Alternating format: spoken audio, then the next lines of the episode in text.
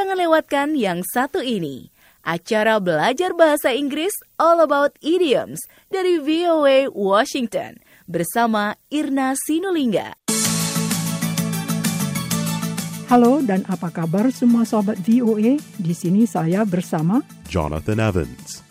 Welcome, friends, to All About Idioms. Acara ini khusus membahas idiom bahasa Inggris yang umum dalam tulisan dan percakapan orang Amerika sehari-hari. Idiom adalah sekumpulan kata yang punya arti tersendiri, jadi tidak bisa diterjemahkan secara harfiah.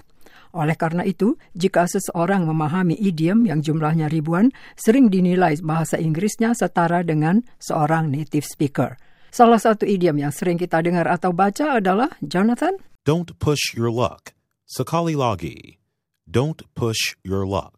Artinya, jangan meminta terlalu banyak apabila ada kesempatan, atau jangan berbuat keterlaluan dalam beberapa keadaan, atau kalau dikasih sejengkal, jangan minta sedepa, atau bisa juga berarti jangan ngelunjak, tergantung pada konteks kalimat. Kata don't adalah singkatan dari do not, artinya jangan. Push ejaannya P-U-S-H artinya dorong dan luck ejaannya L-U-C-K artinya keberuntungan atau nasib mujur. Sekarang kita simak contoh idiom don't push your luck.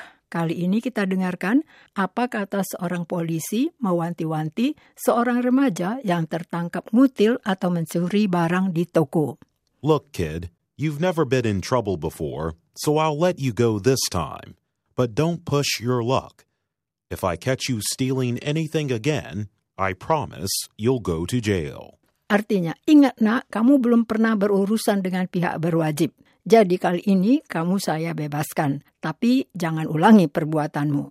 Jika sekali lagi saya dapati kamu mencuri lagi, saya berjanji kamu akan masuk penjara.